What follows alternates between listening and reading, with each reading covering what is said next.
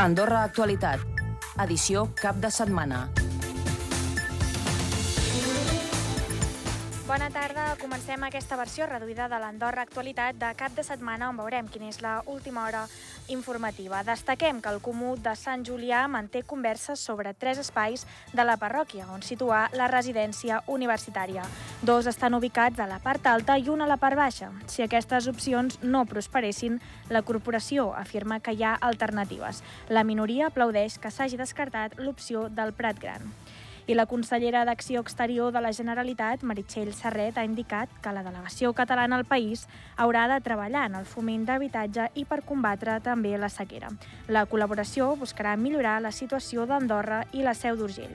I en esports, el Futbol Club Andorra està jugant ara mateix contra el Lugo. La primera part, gols de Rubén Bové al minut 13 i Josep Senyer al 7. Adrià Altamira ha estat expulsat i, per tant, continuen somiant ara amb el play-off d'ascens.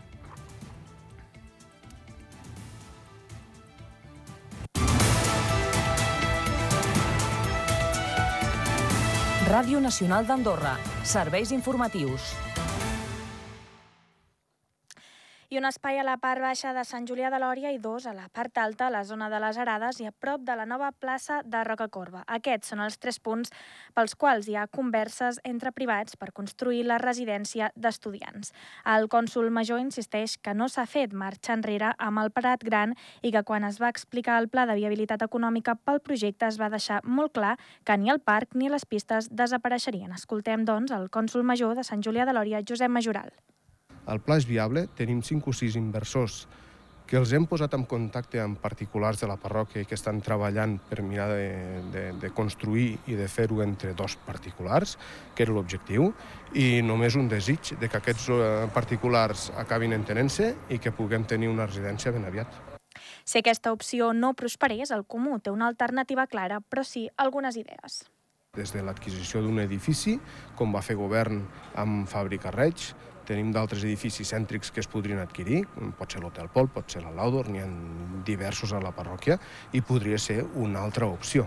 Però vull dir, ja, ja us dic, no està ni escrita ni definida, la minoria lauradiana recorda que estan en contra de la residència al Prat Gran des d'un inici i celebren que s'hagi apostat per la via privada. Això ho explica el Cernis Cairat, minoria desperta l'Aurèdia de Sant Julià de Lòria objectivament des de la corporació comunal hi havia la voluntat de treure a concessió aquest espai públic per bastir aquest edifici i finalment s'ha descartat. I per tant, jo, jo em quedo amb això i amb la possibilitat doncs, de, de que l'equipament de residència pugui ser una realitat a futur amb un espai que actualment eh, estigui en desús. Cairat assenyala que el projecte ha d'estar acompanyat d'un augment progressiu d'estudiants presencials a la parròquia i que per això caldrà l'acompanyament del Ministeri d'Educació i el preu de l'habitatge a la Seu d'Urgell s'ha encarit, així és com ho constaten les dades que recull la Generalitat de Catalunya. De mitjana, un contracte de lloguer l'any passat suposava uns 472 euros, mentre que el 2021 era de 438. Això són, doncs, 40 euros més només amb 365 dies de diferència. Un efecte que, en part, sorgeix arran dels desplaçaments d'andorrans. Ho explica així la consellera d'Acció Exterior, Meritxell Serret. És evident que el, eh, la problemàtica d'habitatge que pugui haver a Andorra o la singularitat de l'evolució no? de tot el mercat de l'habitatge d'Andorra té efecte en tot el seu voltant, no? té efecte en les comarques catalanes que hi ha al voltant d'Andorra. I per tant, per això tenim ganes de veure com cooperem, per això, aquesta serà una de les línies d'actuació de la recentment estrenada delegació catalana al país. De fet, unes 1.600 persones creuen cada dia la frontera des de l'Alt Urgell per venir a treballar al país. I un altre dels reptes que aquesta delegació vol compartir amb Andorra és el de fer front a la crisi climàtica. Una de les línies que es treballarà és la de prevenció dels incendis, però també els recursos hídrics. I encara més quan la regió ara mateix està vivint doncs, una greu sequera. Tornem a escoltar la consellera d'Acció Exterior, Meritxell Serret veure com afrontem conjuntament no? aquest impacte del canvi climàtic en aquest medi, en aquests ecosistemes, i, i com eh, assegurem que el desenvolupament social i econòmic i ambiental eh, pot no? continuar amb, amb aquesta vocació de generar progrés, de generar benestar i de, i de ser el màxim de sostenibles i respectuosos amb els recursos naturals, sobretot amb l'aigua, que, és, que és essencial. Per altra banda, l'associació Marc CG d'Ajuda Mútua per una Pèrdua ha celebrat aquest matí la seva novena marxa popular. Hi han participat 300 persones i han recorregut carrers d'Andorra la Vella i Escaldes en Gordany. El benefici de la venda de dorsals i de samarretes es destinaran a diferents accions per acompanyar a les persones que estan passant per un dol i també com grups de suport. I desemparades és com se senten moltes famílies de l'Alt Urgell, la Cerdanya i el Pallars Sobirà amb infants i amb joves que pateixen autisme. Troben a faltar més acompanyament i recursos que han d'anar a buscar a Lleida, com un hospital de dia. Escoltem la vicepresidenta de l'Associació Autea al Pirineu, Lola Ferrer sort dels psicopedagogs de les escoles de, de la Seu, que la veritat són molt bons vale? i donen bastant suport als nens en les hores escolars però després ja no hi ha res. Llavors, el, les, totes les activitats eh, socials, lúdiques, esportives, vale? d'infància o d'adolescents no existeixen. Llavors, què fan els, els nens o adolescents eh, eh, autistes? Es queden a casa. És per aquest motiu que han creat una nova associació amb el nom d'Autea al Pirineu amb l'empenta i l'estreta col·laboració d'Autea. Ara volen donar-se a conèixer, recollir totes les necessitats i definir una sèrie de projectes que pensen que podran posar en marxa a partir de setembre els grups d'autoajuda, de, de famílies ajuden a famílies, eh, l'escola de pares, perquè els recursos que tenen els nens a primera instància som els pares. I després els, els grups socials, que aquí estan funcionant molt bé, eh, Autea té, té grup social d'activitat lúdica eh, vehiculitzada per un educador. Veuen amb bons ulls que es vulgui establir més vincles sanitaris entre Catalunya i Andorra i que es vulgui impulsar un centre de salut mental a la seu, projectes que podrien beneficiar el col·lectiu. I en termes més culturals, a la Massana, la coral Les Uranetes ha reprès la tradicional cantada de les caramelles. Feia dos anys que no es duia a terme arran de la pandèmia. Algunes de les peces que s'han interpretat, un gran repertori ple de sardanes i habaneres, i és que la cantada finalment s'ha dut a terme dins de l'església a causa causa de la pluja. Tota la informació a l'Andorra Actualitat. Ràdio Nacional d'Andorra, sempre al teu costat.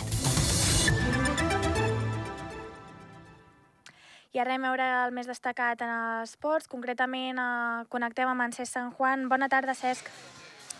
Bona tarda des d'Oancho Carro, en temps de descans en aquest uh, Lugo 1, uh, Futbol Club Andorra 1, una primera meitat on hi ha hagut de tot, ha sortit millor a l'equip uh, local, que s'ha pogut avançar en el minut 7 uh, mitjançant un gol de Josep Senyer.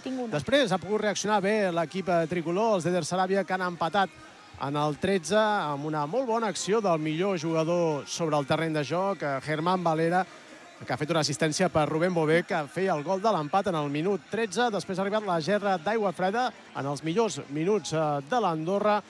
L'expulsió d'Alti, un contracop eh, de l'equip del Lugo, ha intentat eh, aturar el davanter gallec, el jugador de l'Andorra, i l'àrbit ha considerat a instàncies del bar que havia estat a falta, era l'últim home i s'ha vist obligat a ensenyar-li la vermella i des de llavors l'Andorra que haurà de jugar amb un home menys durant una hora de joc. El cert és que eh, ha reaccionat eh, des de la banqueta d'Eder Saràbia, ha tret a Bundo, ha entrat eh, eh, Dani Moré i la veritat és que l'equip ha reaccionat molt bé, eh, tot i jugar amb un menys, doncs no s'estava notant gaire sobre el terreny de joc, això sí, l'equip arriscava molt menys, però continuava tenint uh, la possessió i esperem que continuï amb aquesta dinàmica en aquest segon temps i malgrat jugar amb un jugador menys que l'equip no renunciï a intentar aconseguir la victòria. Seria l'única manera d'intentar evitar doncs, que ja matemàticament ens acomiadéssim d'aquesta opció d'arribar a la sisena plaça, que està ja igualment molt i molt difícil, perquè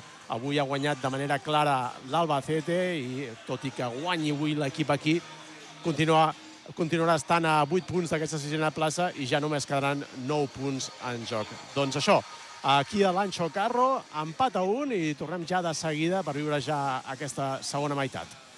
Esperem, doncs, que hi hagi una remuntada en aquesta segona part. Moltes gràcies, Cesc, que vagi bé. Fins ara. I un altre tema esportiu, i és que 400 eh, infants s'han aplegat aquest matí als Serradells en el segon dia de competició del 31ena Vila d'Andorra, la Vella de Judo. L'organització fa una valoració molt positiva tenint en compte que han passat 650 judoques pel tatami aquests dies. Seguir el torn dels grans, avui s'han posat a prova els petits i un any més aquest trofeu ha superat amb escreix les expectatives de participació. Des de l'organització també han fet un homenatge a Manu Aguirre, president d'un club d'Eibar que va morir fa uns dies i que era un habitual del trofeu. La gran quantitat de judoques francesos ha pujat molt al nivell i els més menuts han hagut d'acomiadar el torneig amb el llistó ben alt. Andorra Actualitat, l'informatiu de Ràdio Nacional d'Andorra. Sempre al teu costat. I ara anem a veure quina és la previsió meteorològica per les pròximes hores. Sergi Càrceles, bona nit. Esperem un dilluns molt més tranquil, amb un gran predomini del sol al llarg de tota la jornada i les temperatures tornaran a normalitzar-se, sobretot a les parròquies del sud. Les màximes poden tornar a arribar als 22-23 graus. No ens hem de refiar perquè aquest dimarts tornaran les pluges, almenys a la tarda.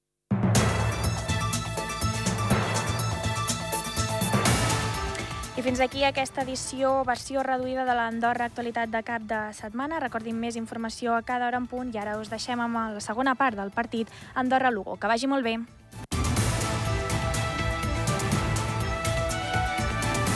Ràdio Nacional d'Andorra. Serveis informatius.